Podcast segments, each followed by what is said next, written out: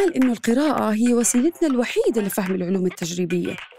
أكيد مش قصدي إنه مش لازم نقرأ بس مين قال إنه مواضيع عن الأعصاب والأحلام وجسم الإنسان والحيوانات والصوت وأشياء تانية كتير؟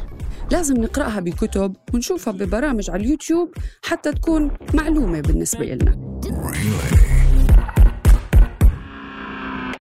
جيت ومع الدليل.